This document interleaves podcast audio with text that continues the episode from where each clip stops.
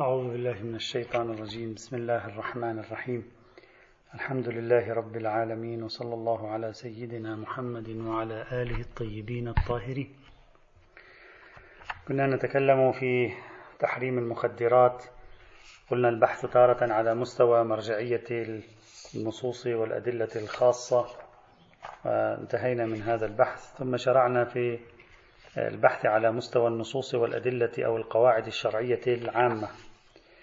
القاعدة الأولى كانت قاعدة الضرر ذكرناها قلنا هي مقبولة جيدة اعتمدها العلماء أيضا غير أنها لا تستطيع أن تثبت تحريما بالعنوان الأول كما أنها لا تستطيع أن تثبت تحريما مطلقا. القاعدة الثانية أو المستند الثاني الكلي والعام لتحريم المخدرات هو التحريم بقاعدة الإسراف والتبذير. كما ذكر بعض الباحثين في هذا المجال. واضح أن الشريعة تحرم الإسراف والتبذير. تجاوز الحد في الإنفاق والصرف والاستهلاك غير العقلاء. إسراف والتبذير هكذا معناه. تجاوز الحد في الإنفاق هذا واحد. والصرف والاستهلاك غير العقلاء. وهذا واضح أن الشريعة حرمته حيث لا يكون هناك استهلاك عقلائي لا حاجة ولا فائدة ولو بسيطة عقلائية ترجى من وراء ذلك فهذا حرام. وكذلك تجاوز الحد في الإنفاق. بناء عليه يمكن أن يقال هنا أن تعاطي المخدرات هو من الإسراف والتبذير. أولا هو صرف واستهلاك للمال بلا حاجة. ليس فقط بلا حاجة بل فيه مضرة في الجملة. أيضا هو استهلاك للمال على خلاف ما ينبغي وعلى خلاف الاقتصاد فيكون حراما. فإذا هم هو استهلاك للمال بلا حاجة يعني زائدا عن الحاجة الطبيعية. وهو استهلاك لما لا ينبغي يعني استهلاك في أمر غير عقلائي فيكون حراما. بل قد يترتب على مستهلك ماله بهذه الطريقة عنوان السفيه لأنه يبذر ماله تبذيرا و يعني يرمي بأمواله هكذا عبثا بلا فائدة ولا طائل. وهذا قد يفسح المجال أيضا أمام الحجر القانوني على المدمن للمخدرات مثلا على من يشتغل بالمخدرات نحجر عليه مثل الصغير مثل السفيه وما شابه ذلك. هذا دليل أيضا ذكره بعضهم. هذا الدليل أو الاستناد إلى هذه القاعدة العامة لا شك في صدق عنوان التبذير تارة والإسراف تارة أخرى على استهلاك الأموال مقابل المخدرات. هذا في الجملة. لكن توجد عندي هنا يعني أكثر من ملاحظة. أولا هذا الدليل لا يثبت حرمة تعاطي المخدرات في نفسه أصلا. لا, لا, لا يثبت حرمة التعاطي أصلا. يعني بصرف النظر عن استهلاك المال التعاطي ليس حرام. مثلا لو فرضنا شخص أهدى إلى شخص مخدر وهذا استهلكه لا, لا, لا, لا يثبت حرمة التعاطي في نفسه. مال أهدي إليه. أو لا نفترض أن أسعاره زهيدة. وليس هناك استهلاك للمال. أسعاره زهيدة جدا. بحيث أن هذا المقدار لو صرفه الإنسان لا يقال هو مثلا يستهلك مالا. مثل بعض أنواع المخدرات الخفيفة في بعض البلدان مثلا كالقات في اليمن بعد أن ندخله في المخدرات. نحن هنا إخواني الأعزاء نبحث في تعاطي المخدرات لا نبحث الآن في شرائها ودفع المال مقابلها. نبحث أصل التعاطي. لا نبحث في أنه اشتراها دفع المال في مقابلها. أصل التعاطي بما هو هو ما الحكم؟ يعني لو واحد راح إلى برية وشاهد هناك مثلا الخشخاش وهو ليس ملكا له هكذا ورآه في البرية استعمله وتعاطاه ما الحكم؟ هذا الذي نبحث عنه. فإذا أولا هذا لا يثبت حرمة تعاطي المخدرات في نفسه بصرف النظر عن استهلاك المال. فضلا عن أن هذا لا يثبت حرمة الاتجار بالمخدرات أيضا. لأن الاتجار بالمخدرات ليس استهلاء تبذيرا ولا إسرافا بل هو ربح عظيم. هذا أولا. ثانيا ليس كل استهلاك للمال في سبيل المخدرات حرام مطلقا. مثلا لو كانت الأسعار زهيدة جدا دفع المال مقابل مخدر أسعار زهيدة. أين المشكلة؟ كثير من الأشياء التي يصرفها الإنسان هكذا. أو مثلا الدافع كان غنيا جدا بحيث لا يكون استهلاك هذا المال بالنسبة إليه آه، مقابل الشعور بالراحة المؤقتة من ضغط الحياة مثلا. أمر غير عقلائي ولا أمر عقلائي الذي عنده يعني مرتاح ماديا ربما يذهب في رحلة يصرف فيها ألف وألفين وثلاثة ألاف وبعضهم عشرة ألاف وعشرين ألف دولار. لكي يرتاح هو وأسرته لمدة ثلاثة أيام أربعة أيام. وهذا أيضا قد يصرف عشرين دولار فقط لكي يرتاح مثلا آه، بواسطة التناول الحشيش أو آه، يحط عنه التعب أو ما شابه ذلك. من قال هذا أصلا؟ إسراف وتبذير صدق الإسراف والتبذير بل لو طبقنا هذه القاعدة بهذه الطريقة كثير من الاستهلاكات اليومية التي يستهلكها الإنسان ينبغي أن تكون إسراف وتبذير كثير في مجال الأكل في مجال الشرب في مجال التنقل في مجال شراء الأغراض كثير منها إسراف وتبذير أصلا لا حاجة إليه. إذا نحسب خاصة إذا حسبنا على المستوى المالي الكبير في المجتمع بمليارات الدولارات ربما سيصبح المجتمع مستهلكا في مثل هذه الحال. أقول ما أريد أن أقوله. لا شك ولا ريب في صدق عنوان الإسراف والتبذير في بعض حالات استهلاك المال في المخدرات. إلا أن السؤال كل السؤال هو هذا لا يثبت حرمة الاستهلاك في نفسه وبعنوانه مطلقا؟ هذا أولا. ثانيا لا يثبت, لا يثبت حرمة استهلاك المال مطلقا أيضا في سبيل المخدرات. في بعض الموارد لا تتحقق عنوان الإسراف. ولا يتحقق عنوان التبذير فضلا عن أن هذا الدليل لا يمكن أن يعطي حرمة الاتجار بالمخدرات أيضا. إذا هذا الدليل جيد في مساحته ودائرته لكن لا يثبت تحريما أوليا مطلقا بالعنوان الأولي لتعاطي المخدرات ولا يثبت شمول التحريم لكل أشكال الاستهلاك والاتجار ولا لكل أنواع المخدرات بعضها أصلا رخيص جدا لا يلزم منه آه، ما يصدق عليه عرفا أنه عبارة عن إسراف أو تأثير فدائما عم تكون القواعد هنا أخص من المدعى بكثير. القاعدة الثالثة. التحريم بقاعدة مقدمة الحرام وسد الذرائع. قالوا الإدمان على المخدرات يفضي إلى ارتكاب المدمن محرمات عديدة مثل المفاسد الجنسية، السرقة، القتل، ترك الواجبات الشرعية، وبالتالي يكون تناول المخدر حراما لأنه موجب للوقوع في الحرام ولو بنحو الاضطرار بسوء الاختيار. بعبارة أخرى إذا ما أردنا أن نستخدم قاعدة مقدمة الحرام يمكن استخدام قاعدة سد الذرائع. فيقال مثلا مقتضى قاعدة سد الذرائع تحريم ما يفضي إلى هذه الأمور والمخدرات مما يفضي إلى هذه الأمور الفاسدة كالقتل والعدوان والمشاكل والآخر طيب واضح هنا أن هذا الاستدلال مثله مثل الدليلين السابقين يفيد حرمة تناول المخدر في بعض الموارد. لكن لا يمكن أن يثبت الحرمة لا بالعنوان الأولي ولا مطلقا. هذا مهم جدا. قلنا مجرد تناول المخدر لا يوجب ذلك. هذه العوارض التي تتكلمون عنها عادة هي عوارض الإدمان لا عوارض تناول المخدر. بعد أكثر الحلقات الحشيشة الماريجوانا وأمثالها هذه لا يلزم منها غالبا ولا كثيرا مثل هذه النتائج حتى نطبق عليها قاعدة مقدمة الحرام أو قاعدة سد الذرائع. بل أكثر تناول المخدرات في حال العلاج ولو مع عدم الانحصار لا يلزم منه هذه المفاسد. إذا هذا لا يعني أن المخدرات حرام بالعنوان الأول. في نقطة مهمة جدا إخوان الأعزاء إذا قلنا تناول المخدرات عبارة عن محرم أولي في الشريعة معنى ذلك كما قلت بالأمس في آخر درس الأمس. معنى ذلك أنك حتى تتناوله في الأدوية أو في العلاجات أو تخضع لعملية جراحية يستخدمون معك فيها المخدر هذا يحتاج إلى دليل ثانوي. إذا ما في اضطرار إذا ما في انحصار لا يجوز لك. بل إذا بنينا على حرمة التداوي بمطلق أشكال التداوي ولو اضطرارا بالحرام يلزم مشكلة عظيمة هنا أيضا. بينما هذه الأدلة لا تستطيع أن تثبت استخدام المخدرات في غير في مثل الأغراض الطبية في مثل الأغراض العلاجية. مباشرة لا تشمل لا أنها تشمل ونرفعها بقاعدة الاضطرار أصلا مباشرة لا تشمل. وهذا معناه أن هذه الأدلة لا تثبت حرمة المخدر بعنوان المخدر تثبت حرمة المخدر في دائرة خاصة. لو لزم منه ذلك وأي شيء لو لزم منه ذلك هكذا. يعني مثلا لو كانت لعبة كرة القدم يلزم منها آه، مثل هذه الأشياء ستصبح حراما. هذا أيضا؟ بعض موارده يلزم بعض موارده لا يلزم. الموارد التي تلزم هي الإدمان. الموارد التي لا تلزم غير الإدمان. بل أحيانا مثل الذي لا يحصل إدمانا كالحشيش والقات وأمثاله هذا قليلا ما تلزم منه ذلك.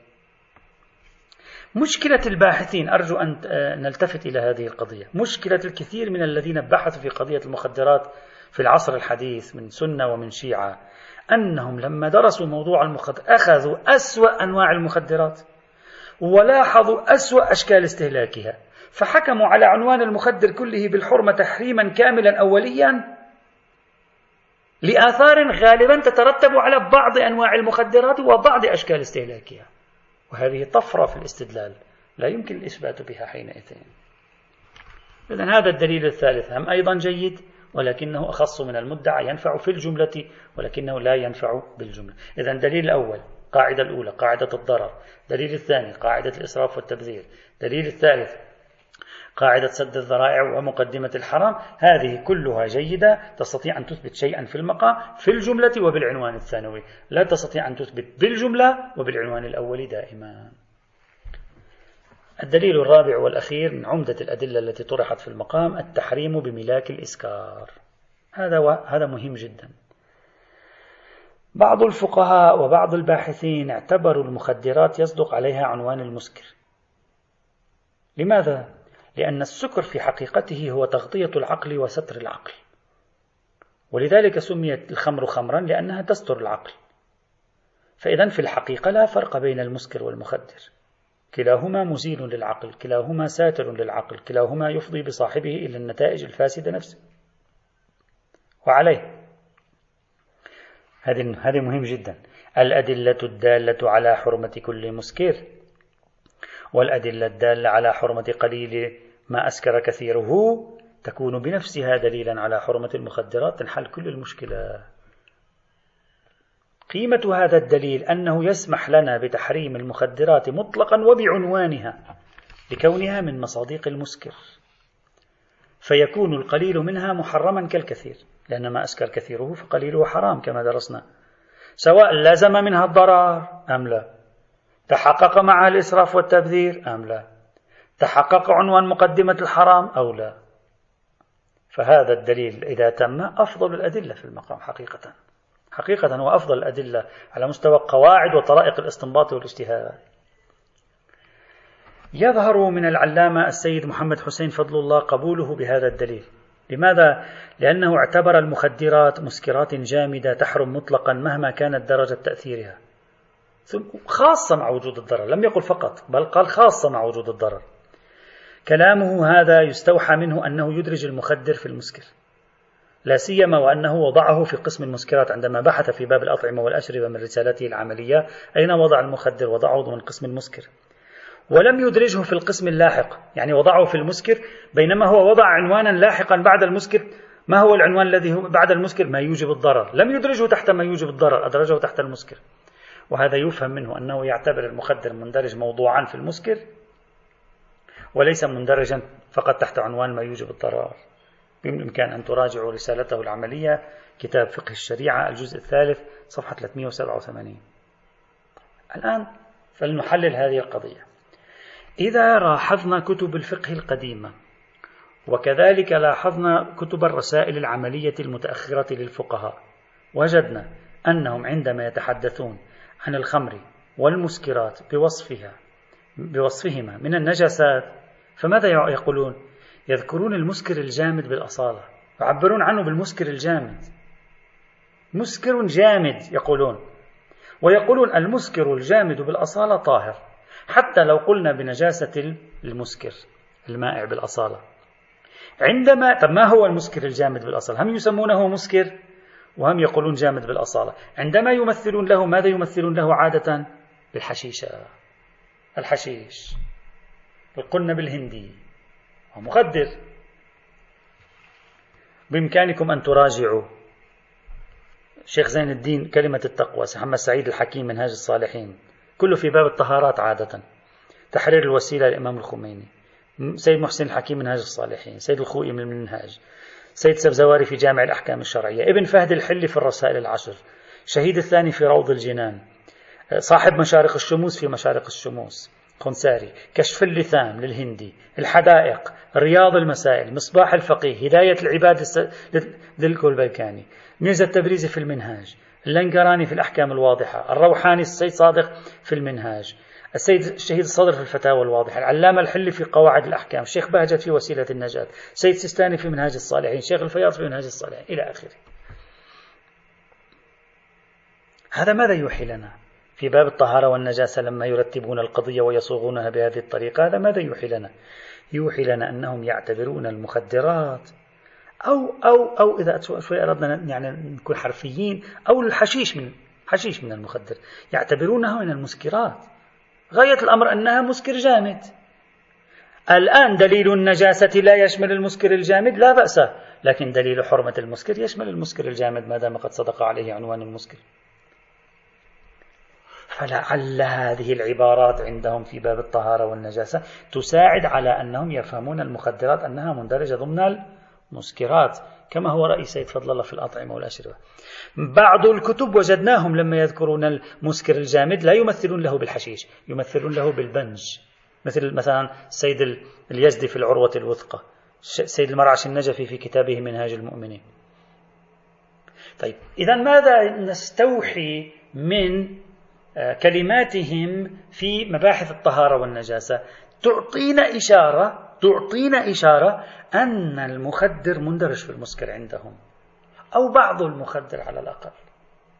لكن التأمل في البحوث الفقهية لا يوحي بأنهم يعتبرون المخدرات مسكرة رغم هذا التعبير الذي استخدموه في بحث النجاسات بل يستوحى من كلماتهم في باب النجاسات أنهم يحرمون المخدر عفوا في باب الأطعمة والأشربة أنهم يستعملون المخدر يحرمونه بملاك الضرر. لا يحرمونه بملاك المسكر بل نحن رأينا كيف أن السيد السيستاني يحرم احتياطا وجوبيا للمخدر مطلقا حتى لو ليس فيه ضرر. فلو كان مندرجا ضمن المسكر عندهم لماذا يحتاط السيد السيستاني وجوبا؟ لماذا هذا الاحتياط؟ الوجوبي أو الاحتياط اللزومي. ما لا موجب له. إذا هذا معناه أن بعض الذين أو كثير من الذين في باب النجاسات أوحوا لنا بأن المخدر ضمن يندرج ضمن المسكرات لكننا في باب الأطعمة وجدناهم لا يقبلون أن المخدر يندرج ضمن باب المسكرات. والدليل طريقة تعاطيهم مع الموضوع إدخالهم الموضوع ضمن قاعدة الضرر يعني ضمن قاعدة ثانوية وعدم إدخالهم الموضوع ضمن قاعدة أولية وهي قاعدة حرمة المسكر. إذا يبدو في الأمر ارتباك معين. يبدو. ثمة احتمال حتى نحلل كلمات الفقهاء ثمة احتمال أنهم يرون الحشيش مسكرا دون مطلق أنواع المخدرات. لهذا لم يقولوا المسكر الجامد بالأصالة كالمخدرات. ما قالوا هكذا؟ بل قالوا المسكر الجامد بالأصالة كالحشيش. وهذا قد يوحي أن الفقهاء ربما لديهم تفصيل في المخدرات. مخدرات تندرج ضمن المسكرات كالحشيش مخدرات لا تندرج ضمن المسكرات. وهذا يلاحظ أيضا على السيد الشهيد الصدر في كتاب بحوث, في شرح العروة الوثقى يميز بين أنواع المخدرات. بعضها يراه غير مسكر وبعضها يراه مسكر مثل الحشيشة. وإن كان بعضهم مثل السيد اليزدي وعامة المعلقين على العروة كان واضح في التمثيل بالبنج. البنج مثلا. لكن مع ذلك حتى لو كانوا يميزون في أنواع المسكرات بين ما هو عفوا أنواع المخدرات بين ما هو مسكر وغيره لكنهم في الأطعمة يعني في باب الأطعمة والأشربة لم يميزوا. يعني لم يقولوا لم يقولوا المخدر المسكر حرام والمخدر غير المسكر حرام عند الضرر. هذا لم يقولوه هذا أيضا يجعل القضية مبهمة. على أي حال. هسه ما لماذا الفقهاء هكذا عبروا في باب النجاسات في باب الأطعمة؟ كان في شيء من التهافت؟ لا ما كان في شيء من التهافت. الشخص الوحيد الذي لا يوجد تهافت محتمل في قوله حسب ما رأينا هو آه، السيد محمد حسن فضل الله. في باب الأطعمة والأشربة انسجم مع باب النجاسات أدخل الجميع في باب المسكرات. هذا قناعته. حتى ندرس هذا الموضوع الشائك لابد أن نفهم ما هي مرجعيتنا هنا. هل المرجع هو العرف؟ في التمييز بين الإسكار وغيره. حتى نعرف هل المخدر مسكر أو لا. هل المرجع هو العرف؟ هل المرجع هو النظر العلمي؟ إذا العرف حتى نشوف العرف نرجع للعرف. إذا النظر العلمي لنرى ما تقوله العلوم في هذا الموضوع. إذا اللغة لنرى ماذا تقول اللغة؟ اللغة المعجمية. إذا اندرج المخدر في المسكر تم هذا الاستدلال واتضحت النتيجة. أما ممكن شخص يقول نحن نطور القضية. ممكن نقول حتى لو لم يندرج المخدر في المسكر لكن تشابه آثار المخدر والمسكر. بتنقيح المناط القطعي نعمم حكم المسكر للمخدر في باب الأطعمة والأشربة. الآيات والروايات التي بينت مفاسد الخمر والمسكر من إفضائهما إلى ارتكاب المحرمات و و و إلى آخره هذه مع تقارب الظواهر التي تظهر على الإنسان بين المسكر والمخدر يجعلنا ننقح الموضوع نلغي الخصوصية دون أن نتورط في القياس الظني غير الحجة. هل هذا صحيح أو لا؟ إذا عندي خطوتين من البحث. تنقيح موضوعي تنقيح مناطي. تنقيح موضوعي إذا عندي خطوتين هذا أرجو التنبه لها. تنقيح موضوعي. يعني أريد أن أعرف هل المخدر موضوعا مندرج ضمن المسكر أو لا. عرفا علميا لغة بصرف النظر عن المرحلة الأولى عندي تنقيح مناطي. ما معنى التنقيح المناطي؟ يعني مناط التحريم. ألغي خصوصية المسكر والخمر إلى مناط التحريم. المناط شيء أوسع من المسكر والخمر. هذا الشيء الأوسع من المسكر والخمر يندرج المخدر تحته. فإذا أنا أمام مرحلتين.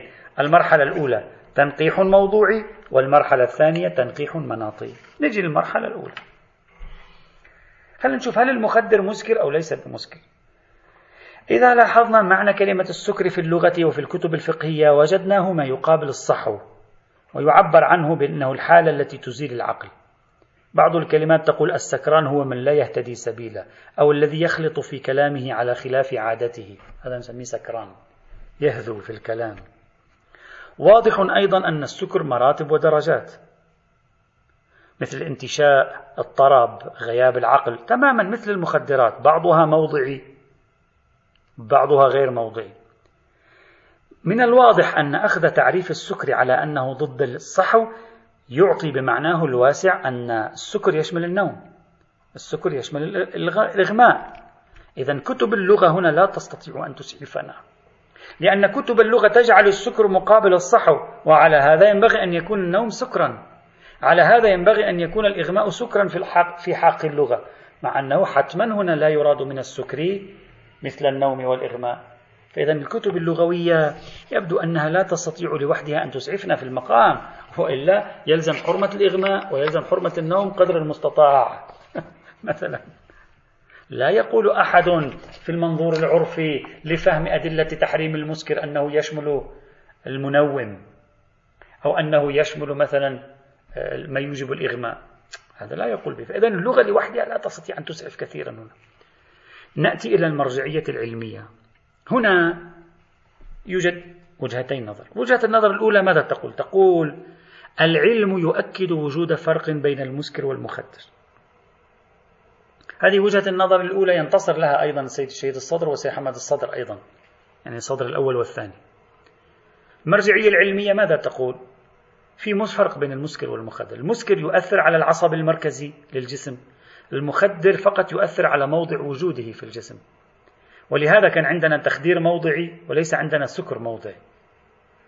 وإنما يؤثر المخدر في كل الجسم عندما يكون كبيرا يؤثر على مجموع الأعصاب. فقط الحشيش وما شابهها تأثيرها يشبه تأثير المسكر من الناحية العلمية. هذا من الناحية العلمية. من الناحية العرفية يقول هذا الفريق الفارق واضح بين المفهومين أيضا.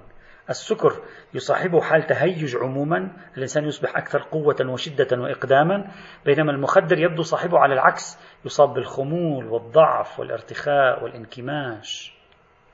إذا وجهة النظر الأولى ماذا تقول؟ تقول علميا بعد أن استبعدنا اللغة تقول علميا وعرفيا المسكر غير المخدر نعم الحشيش يتشابه مع المسكر من الناحية العلمية إذا وجهة النظر الأولى هذه تنتصر لماذا؟ لفرز المخدر عن المسكر وبالتالي دليل حرمة المسكر لا يشمل المخدر وإذا أراد أن يشمل المخدر يمكنه أن يشمل الحشيش فقط ولعل هذا هو النكتة في ذكرهم الحشيش كمثال في باب المسكر الجامد فلم يقع الفقهاء في تهافت. يعني لم يقع الفقهاء في تهافت هنا. هذا الرأي الأول. يوجد في المقابل رأي ثاني. يقول المخدر يندرج ضمن المسكر حتى من الناحية العلمية. وهذا الرأي انتصر له أمثال الشيخ محمد السند في كتابه سند العروة الوثقى في بحث الطهارة. يقول المخدر يندرج ضمن المسكر حتى من الناحية العلمية لأنهما يشتركان تعطل الأعصاب وانعدام توازن الحركة. هذا واحد. اثنين توجد مواد مخدرة مهلوسة تجعل صاحبك المجنون أيضا يعني مزيلة للعقل. ثلاثة إنما في التخدير يوجد تخدير موضعي وفي السكر لا يوجد سكر موضعي لأن التخدير يختلف عن السكر في أنه المسكر يتناول عبر الشرب بينما التخدير يتناول عبر الشرب وعبر, وعبر وضعه على البدن. فلا توجد فرق حقيقي بينهما. طريقة الشرب هي طريقة الأخذ هي الموجبة للتخدير الموضعي وغيره. وإلا إذا أخذت المخدر أيضا شربته أيضا يحصل عندك سكر. رابعا بعض المسكرات أيضا توجب الفتور كالمخدر ليست كل المسكرات توجب التهيج إذا هذه الوجهة نظر الأولى تعارض وجهة نظر الثانية وتنتقدها. وبالتالي شيخ محمد السند ينتصر هنا لكون المخدر مندرجا ضمن المسكر. ويبطل تلك الوجوه التي قالها أمثال السيد محمد باقر الصدر والسيد الشيخ الصدر الثاني. هم في كتاب بحوث في شرح العروة الوثقى هم في كتاب الطهارة هم في كتاب ما وراء الفقه للشيخ الصدر الثاني رحمة الله عليهم عليهما. إذا راجعنا أيضا البحوث العلمية بعض المقالات العلمية الموجودة أيضا نلاحظ ما يبدو لي في البداية في البداية أنه لا يمكنني التمسك بدليل حرمة المسكر للشمول لشيء لم نتمكن من حسم أنه مسكر. يعني مقتضى القاعدة عدم إمكان التمسك بالعام في الشبهة المصداقية للعام نفسه. فلا بد أن أثبت أن المخدر مسكر ثم يجري دليل حرمة المخدر. أما احتمال أنه مسكر بقاء الريب والشك في أنه مسكر يوجب التوقف لا يمكن التمسك بالعام في الشبهة المصداقية. هذا مقتضى القاعدة. إذا الأصل مع من؟ الأصل مع الذين لا يدرجون المخدر ضمن المسكر. فالذي يريد أن يدرج المخدر ضمن المسكر هو الذي يطالب بدليل حتى يكون دليل المسكر شاملا في المقام. نأتي الآن. ما هو الأرجح في القضية؟ يبدو لي أن الأرجح في القضية هو شيء من التفصيل.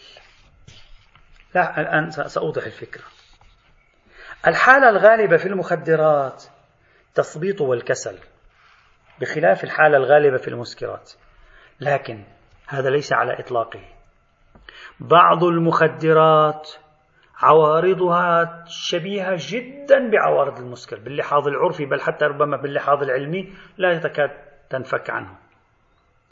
فإذا أردنا أن نبحث هنا خطأ الباحثين هنا أين؟ هنا نكتة البحث بنظري خطأ الباحثين كلهم هنا أنهم أخذوا عنوان المسكر عنوان المخدر في حين كان ينبغي أن ننظر إلى مصاديق المسكر والمخدر. مصاديق المسكر والمخدر. ونجري مقارنات علمية وعرفية بينهما. سنجد بعض المخدرات مسكرات. بعض المخدرات حتما ليست مسكرة ليست سوى منومات أو مرقدات أو مفترات أو مسكنات أو مهدئات عصبية أو مخملات ما شئت فعب بعض المسكرات تهيج بعض المسكرات تفتر أيضا. لكن لأن الإطار العام مختلف يعني الحالة الغالبة مختلفة. فصلوا بين المسكر والمخدر. لذلك أنت تجد الآن أن العلماء الأطباء الصيادلة حتى القوانين الوضعية تفصل. تقول هذا مسكر وهذا مخدر. تفصل بينهما. وهذا يوجب الشك بالشمول. فإذا ليس عندي دليل على أن كل مخدر مسكر. نعم لا يبعد أن بعض المخدرات ينطبق عليها عنوان مزيل العقل. ظاهرة الإسكار بالمعنى العرفي أيضا والعلمي. ربما حشيشة المرجوانة وأمثالها أقرب إلى مفهوم المسكر في مثل هذه الحال. إذا ما الذي نريد أن نصل إليه؟ ما عندنا شيء اسمه قاعدة عامة في المقام إخواني الأعزاء. كل مخدر مسكر. لا ينبغي أن نفصل في المسألة. نقول بعض المخدرات لا يبعد إلحاقا ولو على الأقل بالنظر العرفي. في حكم المسكرات من حيث ما يفهم عرفا ولغة للقضية وبعضها من الصعب جدا إلحاقه. إلحاقه مشكوك يكفي الشك. لا يشمله دليل حرمة المسكر. فالأصح هو التفصيل أن نرجع إلى أهل العلم إلى أهل الاختصاص إلى أهل علوم الصيدلة والعقاقير وتصنيع الأدوية وأمثال ذلك وعلماء الكيمياء الكيمياء العضوية وأمثال ذلك. هؤلاء يستطيعون أن يؤكدوا لنا أن هذه المادة تأثيراتها لا تختلف عن تأثيرات الإسكار. هذه المادة الثانية تأثيراتها تختلف هذه المادة الثالثة تأثيراتها تتقارب لكن لا نستطيع أن نقول هي أو لا. فالأولى ندرجها ضمن المسكر الثانية والثالثة لا يمكن إدراجها ضمن المسكر. هذا هو منطقية البحث يجب أن تكون.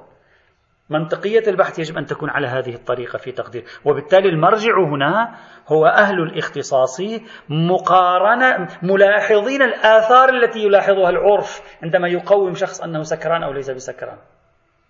هذه الآثار هذه الظواهر هذه العوارض المسماة في اللغة والعرف سكرا هذه العوارض يجب أن ننظر. أي من هذه الأنواع من المخدرات اللي يمكن تكون بالعشرات إذا أردنا أن ندخل في تفاصيل أنواعها الدقيقة؟ أي من هذه الأنواع ينطبق عليه أنه موجب لتحقق عنوان السكر بهذا المعنى للسكر وأي لا ينطبق؟ وبالتالي نذهب هنا إلى يعني بالتعبير الفارسي موضوع شناسي. نذهب هنا بالتعبير الفارسي إلى موضوع شناسي. نحدد نجيب الخبراء يحددوا ونصدر الفتوى على أساس هذه المعايير العلمية الدقيقة. يعني نصدر الفتوى على أساس هذه الموجبة الكلية.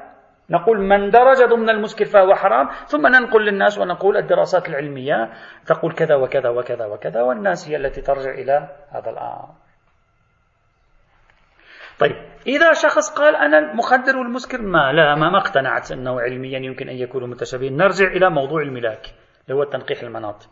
نقول المناط كما يظهر من القرآن والحديث في حرمة المسكر هو أنه نوعا موجب للعداوات والمشاجرات وترك الصلاة وذكر الله وارتكاب أفضع أعظم الفضائح كل مخدر بتنقيح المناط حينئذ. وجدناه ملازما ملازما نوعا مش إنه في أربع حالات خمس حالات 2% 10% 30 40 لا نوعا يعني الغالب هو ملازم لمثل هذه العوارض مفض إلى شيء من ذلك لا يبعد بتنقيح المناط تحريمه حتى لو لم يسمى مسكرا. وإلا كان حلالا. وعليه. ما يبدو لي في نتيجة البحث في موضوع المخدرات أن المخدرات بأنواعها حلال مطلقا إلا أولا. إذا ثبت من الناحية العلمية مخدر ما عوارضه متطابقة متشابهة جدا مع عوارض السكر بحيث العرف يراها سكرا فإن هذا النوع من المخدر يندرج ضمن المسكر وبالتالي يكون حراما. وإلا فيكون حلالا. هذا أولا. ثانيا إذا لازم منه عنوان ثانوي يكون حراما بملاحظة انطباق العنوان الثانوي لا مطلقا كالضرر ونحو ذلك. فإذا عندنا ملاحظة بلحاظ العنوان الأولي وبلحاظ عنوان ثانوي. أما بالملاحظة العنوان الأولي فالعبرة بموضوع شناسي العبرة بالتشخيص الموضوعي لأهل المعرفة أن يشخصوا لنا كل مخدر على حدة. هل يمكن أن يكون تكون عوارضه مما يصدق عليه عرفا ولغة السكر أو لا؟ وبالتالي نسوي قائمة بما هو مسكر من المخدرات. وبما ليس بمسكر. حتى لو العرف اليوم لا يسميها مسكرا ولكنه بالملاحظة الشرعية تكون مسكرة. من حيث نوعية الآثار نوعية العوارض وبالتالي نوعية النتائج أيضا كما قلنا في تنقيح المناطق. هذا المعيار الأولي إذا المعيار الأول ليس حرمة كل مخدر المعيار الأول التفصيل. أما المعيار الثانوي فهو أيضا التفصيل. ما لزم منه سواء صدق عليه عنوان المسكر أو لا سواء صدق عليه عنوان المسكر هذه مهمة صدق المسكر عليه أو لا ما لزم منه محرم ثانوي يحرم سواء على الصعيد المجتمعي أم على الصعيد الفردي. وأما غير ذلك فلا دليل على تحريمه بالعنوان الأول ولا بالعنوان ثانوي والجزم بشمول النصوص لكل هذه مهمة لكل أنواع المخدرات صعب فنبقى على أصالة الحل. وبذلك يعلم إخواني الأعزاء أن مخدرات العقاقير والأدوية غير محرمة ولا نجسة. إذا لم تندرج ضمن المسكر فتجوز ما لم يلزم منها الضرر الفردي. طبعا أما قوانين الدولة فيلزم مراعاتها نتيجة يعني حجم الضرر المجتمعي. فما يظهر من طريقة مشهور المتأخرين قد يكون هو الأقرب لكن مع بعض التعديل المناطي والموضوعي. يعني موضوع شناسي. كما قلنا. فالنتيجة التي وصلنا إليها تكاد تكون مختلفة عن الكل.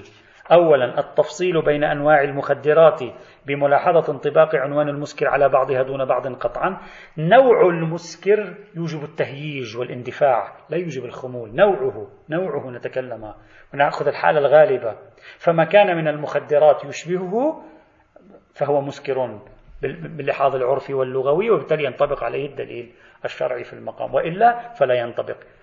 هذا الذي لا ينطبق محكوم بالطهارة هذا الذي لا ينطبق محكوم بالحلية استخدامه في العقاقير والأدوية وما شابه ذلك لا يحتاج إلى دليل ثانوي حينئذ. هذا تمام الكلام الذي نريد إيراد نكتفي بهذا القدر في بحث المخدرات. هناك فروع كثيرة فيه لا خارج عن إطار بحثنا وهناك زيادات قالها كثيرون ليس فيها فائدة في تقديري. وبهذا بحمد الله تبارك وتعالى نكون قد انتهينا من الفصل الرابع وهو باب الأشربة أو المائعات والسوائل والأشربة. بحثنا فيها الدم وملحقاته بحثنا فيها النجسات المائعة كالبول وما يلحق بذلك.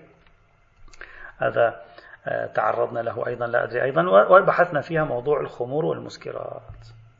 عفوا آه، آه، والمحور الثالث موضوع الخمور والمسكرات والمخدرات. وصلنا إلى الفصل الأخير وهو فصل صغير أصلا يعني في صدق عنوان الفصل عليه إشكال فصل صغير سأضعه تحت عنوان وهو خاتمة البحث أصلا. فقه الأطعمة والأشربة محاولة لفض الاشتباك بين القرآن والسنة. أولا سأشرع بتمهيد بعد ذلك سأذكر طبيعة المشهد الإشكالي في الكتب الفقهية ثم ندخل في الموضوع. فيما سبق تعرفنا على الفقه القرآني في الأطعمة والأشربة هذا في الفصل الأول. خصصنا له فصلا مستقلا. ثم بعد ذلك عبر ثلاثة فصول أسهبنا النظرية الفقهية في الأطعمة والأشربة الحيوان الجوامد والمائعات. ورأينا أن النظرية الفقهية في باب الأطعمة والأشربة الحيوان الجوامد والمائعات في الأعم الأغلب تقوم على النصوص الحديثية وبمقدار ما تقوم على النصوص القرآنية. أي متابع لهذا المشهد يجد بوضوح أن هناك توجه قرآني واضح لحصر الأطعمة والأشربة المحرمة بأمور معدودة. قد لا تزيد عن أصابع اليد الواحدة ويستخدم القرآن كما رأينا في الفصل الأول فصل القرآن لغة الحصر. في ثلاث آيات. محاولا نفي حرمة غير هذه الأشياء المعدودة. أما السنة الشريفة وما يلحق بها من إجماعات فتفيدنا تحريم كم من هائل من المحرمات خاصة على رأي المشهورة خاصة المشهور الإمامي. فكل حيوان البحر حرام تقريبا إلا السمك الذي له فلس وكل السباع والحشرات حرام وكل الطيور حرام إلا ما كان دفيفه أكثر من صفيفه. عفوا صفيفه أكثر من دفيفه. آه دفيفه أكثر من صفيفه عفوا. فضلا عن تحريم الألبان والبيض وغير ذلك من الحيوانات من بعض الحيوانات على الأقل. النجاسات كلها حرام. كما رأينا النجاسات كلها حرام والخبائث كلها حرام وهكذا. السؤال الذي يأتي هنا كيف يمكن أن نوفق بين هذا البيان القرآني البسيط المختصر الحاصر وبين كل هذه النصوص الحديثية والفقهية التحريمية في مجال الأطعمة والأشربة هل هذا التعارض بدوي أولي سرعان ما يزول؟ هل هذا التعارض مستحكم مستقر يحتاج إلى علاج نظري إلى نظرية علاجية تفض هذا الاشتباك تحدث التوفيق؟ هل هذا التعارض مستحكم مستقر يصل بنا إلى حد طرح جميع هذه النصوص الحديثية بحجة معارضتها للقرآن؟ أو التماس مخرج لها أو إجراء تعديل وتأويل في النص القرآني أيضا. ما القصة؟ ما الذي يجب أن نفعله؟ هذا ما سنبحثه في هذا الفاصل هنا. وقد قلت سابقا بأنني في الدورة الأولى في باب الأطعمة والأشربة أصلا أنا بحثت الأطعمة والأشربة فقط لأجل هذه القضية. في سياق بحثي في موضوع حجية السنة وبحث حجية الحديث جئت بهذه القضية قلت أبحثها في الفقه كمثال. لأزمة العلاقة بين النص بين النص القرآني والسنة الشريفة. ونحاول أن نرى حلولا لعلها تنفعنا في قواعد العلاقة بين الكتاب والسنة. هذا الموضوع جرني إلى بحث كل بحث الأطعمة والأشربة في الدورة الأولى التي كانت مطولة في 250 درس تقريبا. نحن هنا يعني ضغطناها وكثفناها وبعض الأبحاث أيضا هم عبرناها. نريد أن نحل هذه القضية بطريقة منطقية بعيدة عن التأويل بعيدة عن التكلف بعيدة عن لين عنق النصوص في التعامل مع نصوص القرآن من جهة ومع نصوص السنة الشريفة من جهة أخرى. طيب. نحن إخواني الأعزاء لو أمعنا النظر في المشهد الفقهي والتراث الفقهي لعلماء المسلمين سنة وشيعة أتكلم الآن لا تكاد تجد أنهم كان لديهم مشكلة في هذا الموضوع. يعني ما كانوا يشعرون أن بين القرآن والسنة مشكلة هنا. يعني هكذا يبدو لك. يعني يبدو هكذا. لم يكن موضوع التوفيق بين النص القرآني ونصوص السنة الشريفة في الأطعمة والأشربة محل اهتمامهم يعني. هذا بالعرض كانوا يتعرضون له بالعرض. هكذا يعني أحيانا إشارة ينتهون منها. كأني بهم لم يلاحظوا مشكلة أو لاحظوا مشكلة ولم يعني تكن جدية هذه المشكلة. أو لاحظوا لكن لم تكن جدية يعني بغير جدية لاحظوها. لكن وجدنا شيئا آخر هو الذي أثار المشكلة عند الفقهاء خاصة في الوسط الإمامي خاصة في الوسط الإمامي. وبسبب هذا الشيء فتحوا هذا الموضوع وصاروا يتعرضون له خاصة المتأخرون. كما سنرى بالعرض التاريخي الذي سنراه. سنرى تاريخيا كيف ظهرت محاولات التخريج. شيخ الطوسي بدأ بعد ذلك علم الحليم أيضا وجدنا عنده بعد ذلك المتأخرون منذ القرن العاشر فما بعد تقريبا. عاشر حادي عشر. ما السبب الذي دفعهم خصوصا في الوسط الإمامي إلى ذكر محاولات حلية لهذه المشكلة وعلاج هذه المشكلة؟ السبب ليس أصل وجود نص, نص قرآني ونصوص حديثية. السبب وجود نصوص حديثية تعلن أن الحرام هو الذي في القرآن فقط.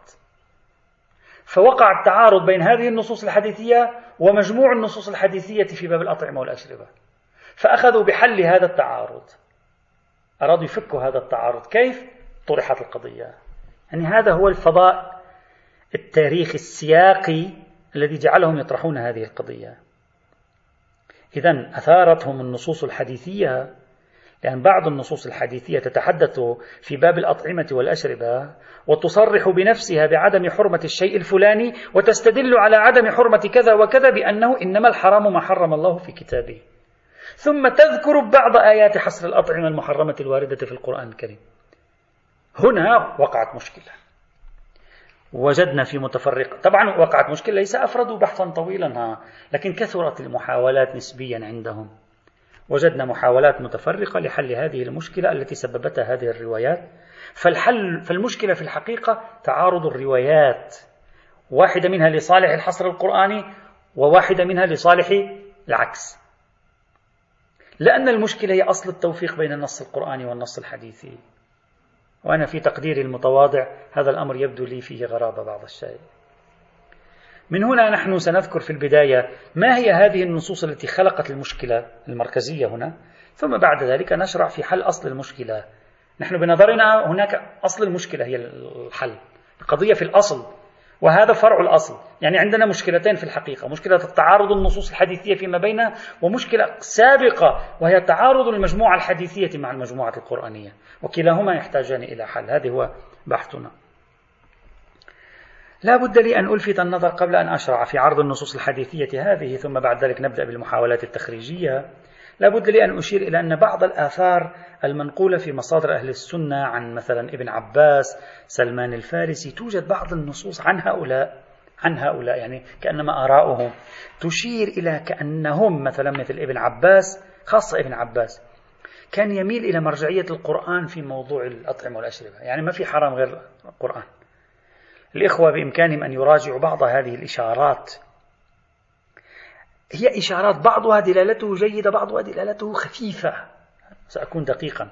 مثلا في سنن أبي داود الجزء الثاني صفحة 208 المستدرك الحاكم النسابوري الجزء الثاني صفحة 317 وفي الجزء الثالث صفحة 375 في الجزء الرابع صفحة 115 أيضا في سنن البيهقي الجزء التاسع صفحة 33 الجزء العاشر صفحة 12 تجد إشارات سلمان بن عباس وهؤلاء محسوبين على مدرسة الإمام علي عليه السلام.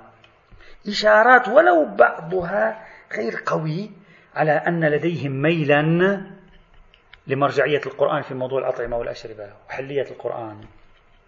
عفوا حلية الأطعمة.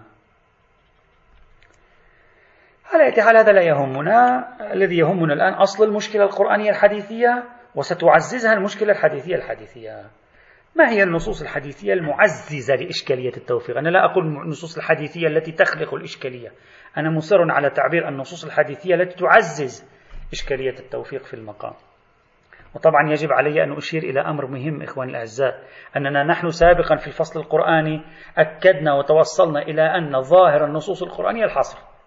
رفضنا أن المحاولات التي قيلت إنه إنها لا تدل على الحصر. هناك إذا تذكرون رفضناها. رفضناها في نفسها رفضناها. قلنا بعيدا عن أدلة السنة في نفسها هذه دالة على الحصر. ما يحتاج أن نتفلسف بها. الآن بعد دخول نصوص السنة ما الأمر؟ بحث آخر. ذكرنا هناك ست سبع محاولات على ما أذكر ل يعني للإطاحة بدلالة الحصر الموجودة في الآيات. وناقشناها في محله والإخوة يذكرون في بداية هذا العام الدراسي. طيب نأتي الآن إلى هذه النصوص التي يعني يمكن نجعلها تحت عنوان إنما الحرام ما حرم الله في كتابه.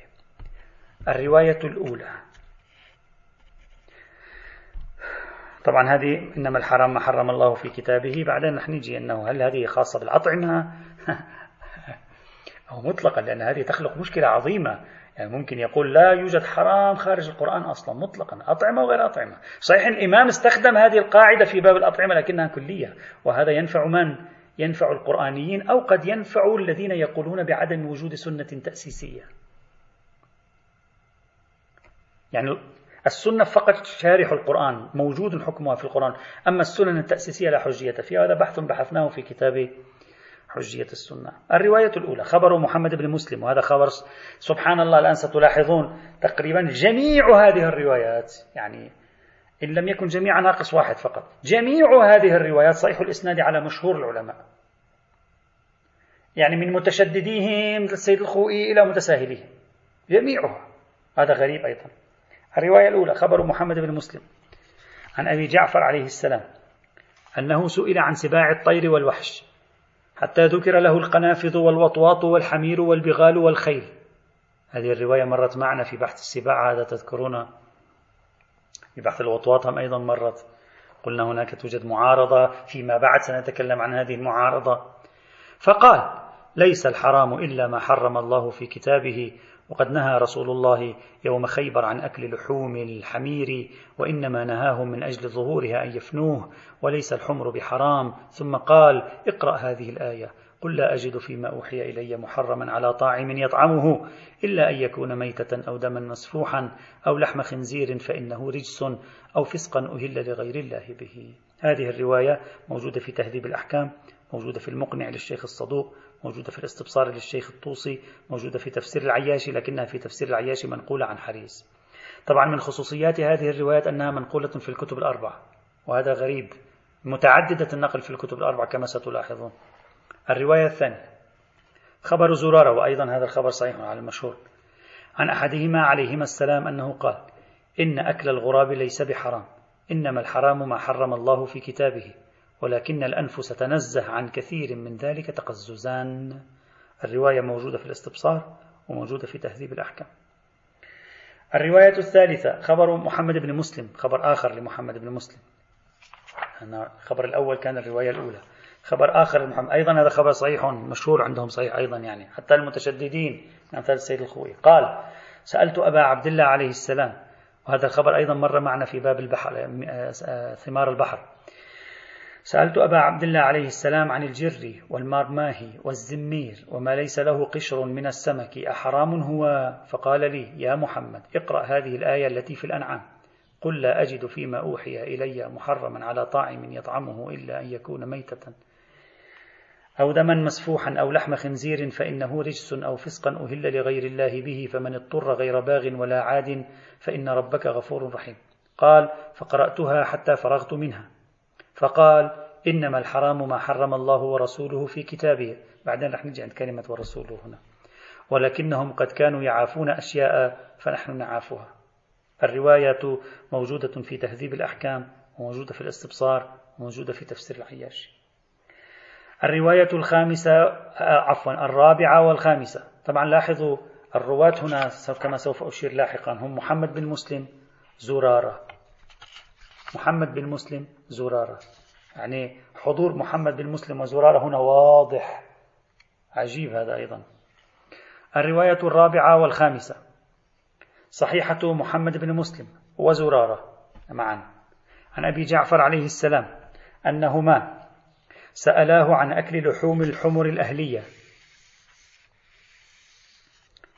طبعا أنا لما قلت صحيح محمد مسلم وزرارة هذه رواية رقم الرابعة هذه بعدين خامسة سأذكرها بعد قليل.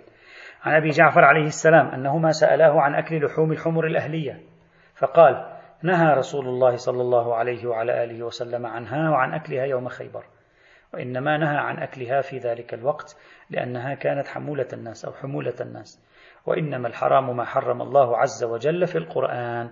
الرواية هذه وردت في الكافي وردت في الاستبصار ووردت في تهذيب الأحكام.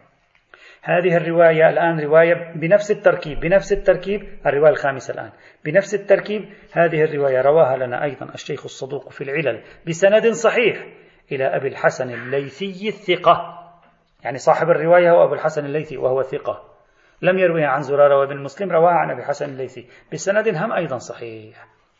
يعني هذه الرواية صار لها أكثر من سند. وقد وردت في علل الشرائع أيضا للإخوة الذين يريدون مراجعتها. الرواية السادسة خبر زرارة وهو أيضا خبر صحيح عند المشهور قال سألت أبا جعفر عن الجريث فقال قال ما الجريث؟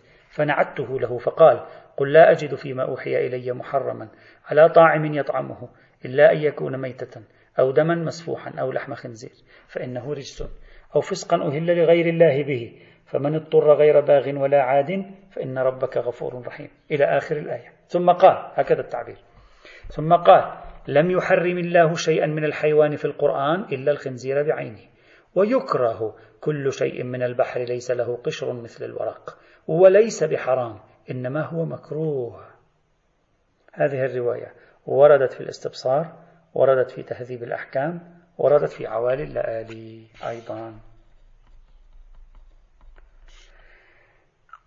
واضح الرواية أيضا دلالتها جلية وممتازة أيضا. يأتي البحث تعبنا اليوم. يأتي البحث إن شاء الله تعالى. والحمد لله رب العالمين.